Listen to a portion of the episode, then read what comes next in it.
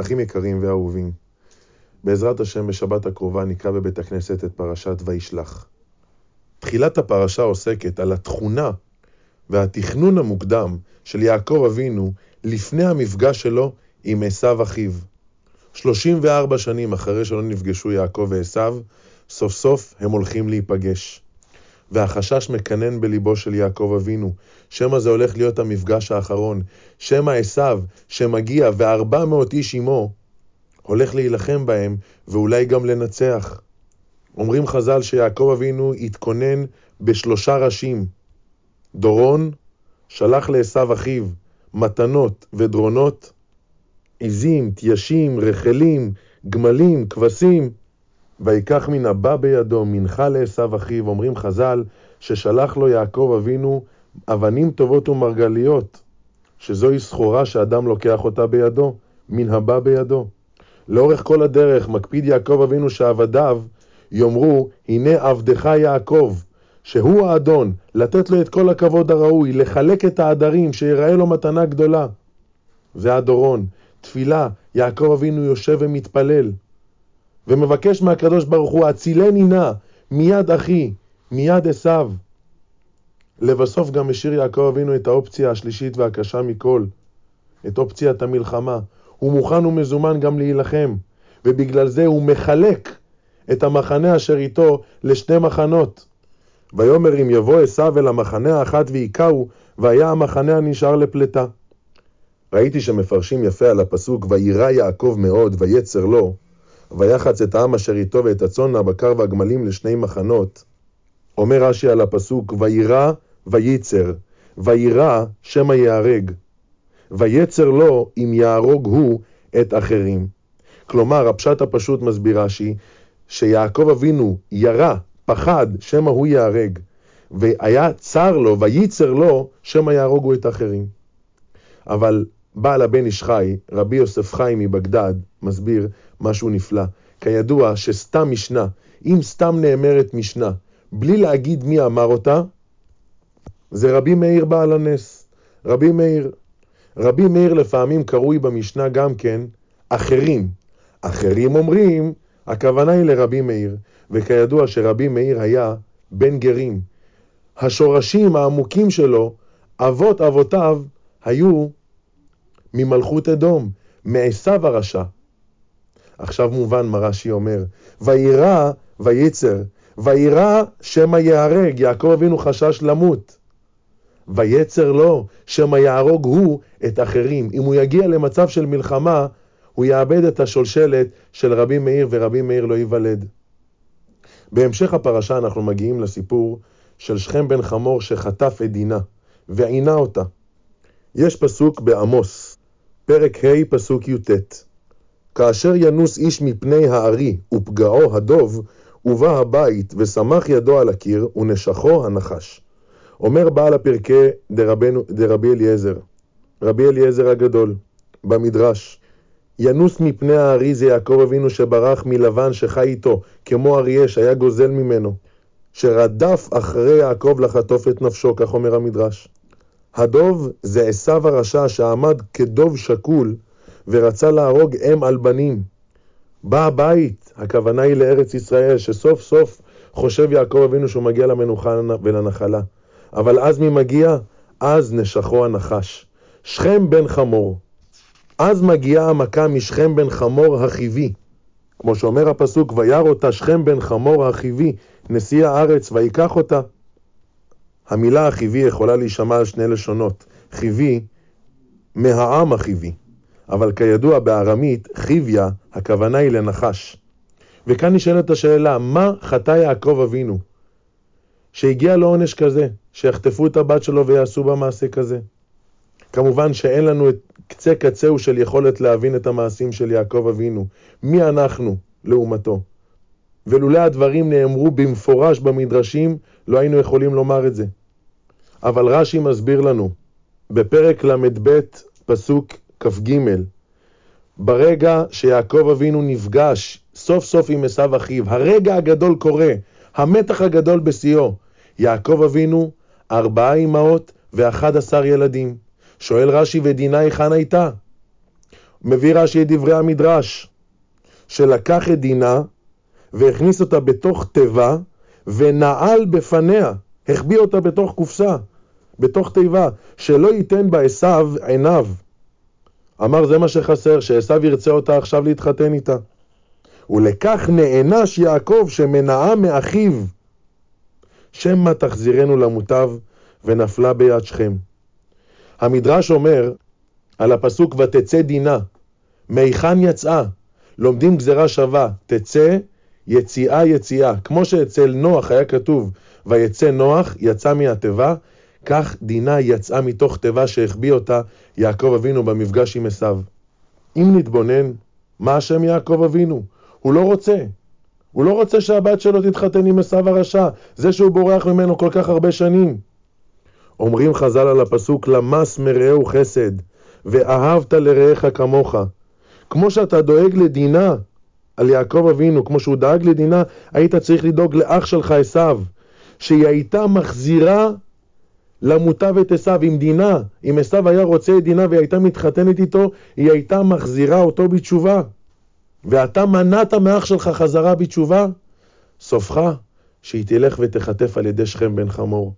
בספר נחלת שדה מסביר את התביעה שהייתה כלפי יעקב אבינו, שהרי כמו שאמרנו גם שבוע שעבר, שבעיקרון דינה הייתה צריכה להיוולד אצל רחל, ויוסף היה צריך להיוולד אצל לאה. ואומר יונתן בן עוזיאל בתרגום שהקדוש ברוך הוא החליף את העוברים, אם כן תחילתה של דינה הייתה במאה של רחל, אז היא מבניה, היא מבנותיה של רחל. וכידוע, אין עשיו נופל אלא בידי בניה של רחל. אלה שיש להם כוח על עשיו, זה רק הבנים של רחל אימנו. אז יעקב אבינו לא היה צריך לחשוש, כי אם היא הייתה מתחתנת עם, אם דינה הייתה מתחתנת עם עשיו, הוא היה נופל בפניה והיא הייתה מחזירה אותו למוטב.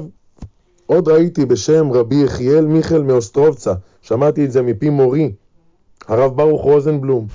יעקב אבינו אומר, הצילני נא מיד אחי מיד עשיו, כי ירא אנוכי אותו, אותו ולא אותם. וכי יעקב אבינו לא חושש מכל הארבע מאות איש עם עשיו הרשע, למה הוא חושש רק מעשיו? אז אומרים חז"ל שלעשיו היה פור על יעקב אבינו בשתי מצוות. במצוות כיבוד הורים, שכל השנים שיעקב ברח מבית אביו, עשיו זה שתמך באביו, ובזמן הזה עשיו היה גם בארץ ישראל, אם כן הוא צבר מצוות של יישוב הארץ. חז"ל מסבירים שעשיו הגיע עם צבא לא של 400 איש, אלא של 400 ראשי גדודים, שכל גדוד היה של 400 איש. אם כן, 400 כפול 400 זה 160 אלף. הכוח של צדיק הוא להפיל עד 10 אלף איש. יפול מצדך אלף ורבבה מימינך. רבבה זה 10 אלף איש. 10 אלף אויבים, 10 אלף מזיקים. בואו ונראה. יעקב אבינו היה אחד. 11 ילדים, 12. ועוד ארבע אמהות, יוצא 16. אחד כנגד כל עשר אלף מהחיל הגדול של עשיו הרשע, ומנצחים אותם. אבל נשאר מי? נשאר עשיו. כנגדו לא היה אף אחד. אם יעקב אבינו היה מוציא את דינה, אז היה גם ניצחון ודאי מול עשיו. אבל כשיעקב אבינו החביא את דינה, לכן ירא אנוכי אותו, אותו ולא אותם, כי כנגד כל החיל, כל הקבוצה הגדולה שעם עשיו הרשע, היה פתרון של כל השש עשרה מבית יעקב. אבל דינה שהייתה חסרה, זה חיסר בניצחון הוודאי מול עשיו. מספר יהודי בשם אלישי, שביום יום משמש כמורה לילדי עולים מרוסיה ואתיופיה. תקופה אחת בשנה הוא היה צריך לנסוע למילואים בצאלים. הוא גר בטבריה. הדרך חזרה מצאלים עד טבריה ארכה כמה שעות. בעפולה עלה רב חשוב, נראה מבוגר, בסביבות גיל ה-70, זקן עטור, חליפה ארוכה וכובע המבורג של דיינים לראשו. אותו רב עולה ומכל האוטובוס לא נשאר מקום אלא ליד אלישי הזה. מתיישב ומיד מתחיל לספר איתו בפרשת שבוע, ממשיכים לדף היומי, ענייני הלכה. הנסיעה חולפת, עוד מעט מגיעים לטבריה. ואז סיפר אלישי לרב, אומר לו, תשמע, מאוד קשה לי עם התלמידים. לפעמים יש ניתוק שאני לא מצליח לגשר בין החיים שלי לבין החיים של אותם תלמידים, ולא מצליח להשפיע עליהם. הרב שיושב ליד אלישי שותק, אבל אז הוא פותח ואומר לו, תראה, בעוד, בחודש הבא, אני פורש פרישה מוקדמת לגמלאות מבית הדין שבו אני מכהן כדיין כבר 25 שנים. אבל תדע לך שלא תמיד נראיתי ככה. הבגדים האלה, הזקן, זה לא מהבית. ההורים שלי היו ניצולי שואה מבוגרים, לא היה להם יכולת נפשית לתת לי את התשומת לב שדרשתי. התגלגלתי ברחובות, מהר מאוד הגעתי גם למחוזות של כמעט פשע. אני אפילו עוד לא הייתי בגיל בר מצווה, מספר אותו רב. ליד הבית של ההורים שלי היה בית הכנסת אחד, לידו מגרש כדורגל, שבו הייתי משחק עם החברים, עם החברים במשך השבוע, בעיקר בשבתות. מדי פעם היה הכדור עף לחצר בית הכנסת. פעם אחת הוא אפילו ניפץ את אחת הזגוגיות. באחד השבתות היינו במגרש, מספר הרב. אני הייתי בן 15. החברים היו קוראים לי עבריין. הייתי ילד בעייתי. שיחקנו, אני בעטתי חזק בכדור.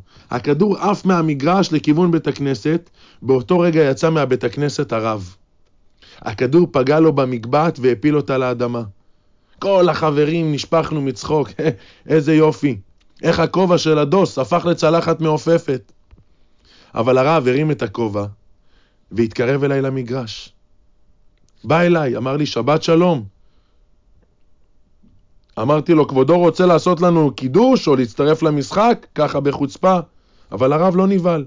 הוא הסתכל עליי, שאל אותי, איפה ההורים שלך?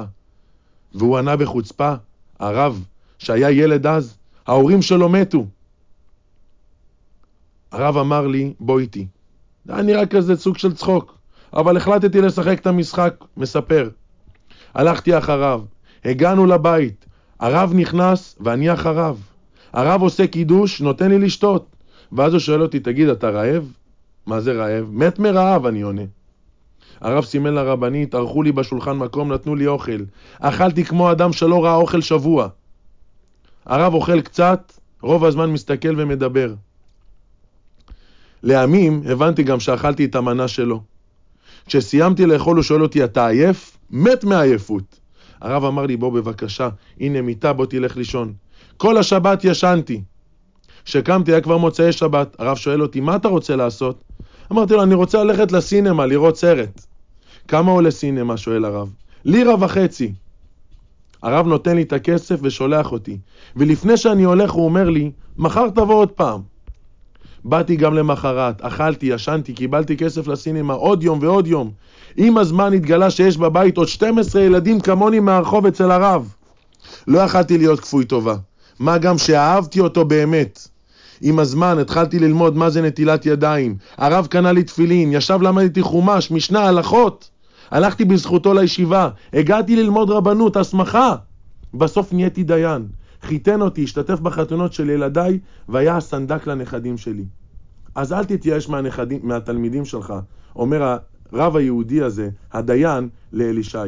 אתה רואה אותי היום ככה דיין בבית הדין הרבני, אבל פעם הייתי כמותם, רק תאהב אותם, תאהב אותם כמו את ילדיך שלך. ככה מספר הרב. רגע לפני שהוא יורד, שהגיע האוטובוס לטבריה, שואל אלישי את הרב הזה, תגיד לי, מי אותו רב שנתן לך את הסיכוי הזה? ואז הוא עונה לו, זה היה הרב עובדיה יוסף. בואו נחשוב בעצמנו, מה היה יכול לעשות הרב עובדיה באותו רגע שעף הכדור? להתעלם, להמשיך הלאה, לסנן איזה ילדים חוצפנים. אבל לא, הוא בחר ללכת, לדבר איתו, לקחת אותו לבית, לתת לו רגע של תשומת לב ולהעלות אותו מילד רחוב, הפך להיות דיין בישראל. החיים מזמנים לנו לאורך כל הדרך. אם רק נתבונן, אין סוף הזדמנויות להיטיב ולהרים אנשים. זה לא צריך להיות בדברים גדולים, לא צריך להכניס אותם לבית ולא לחתן אותם עם, הב... עם הבנות שלנו. זה יכול להיות בחיוך קטן, זה יכול להיות במחמאה, זה יכול להיות יהודי שאנחנו יושבים בבית הכנסת והוא מגיע נבוך ולא יודע איפה אוחזים בסידור, לקום, לתת לו כיפה, לפתוח לו את הסידור, להראות לו מקום, איפה לשבת, להאיר לו פנים. אנחנו לא יודעים מה אנחנו יכולים לפעול בתנועה ובמחווה כזו קטנה. יהיו הדברים לעילוי נשמתו של רבי אהרון חדש, בן רבי מאיר, מורי, המשגיח של ישיבת מיר. שבת שלום ומבורך.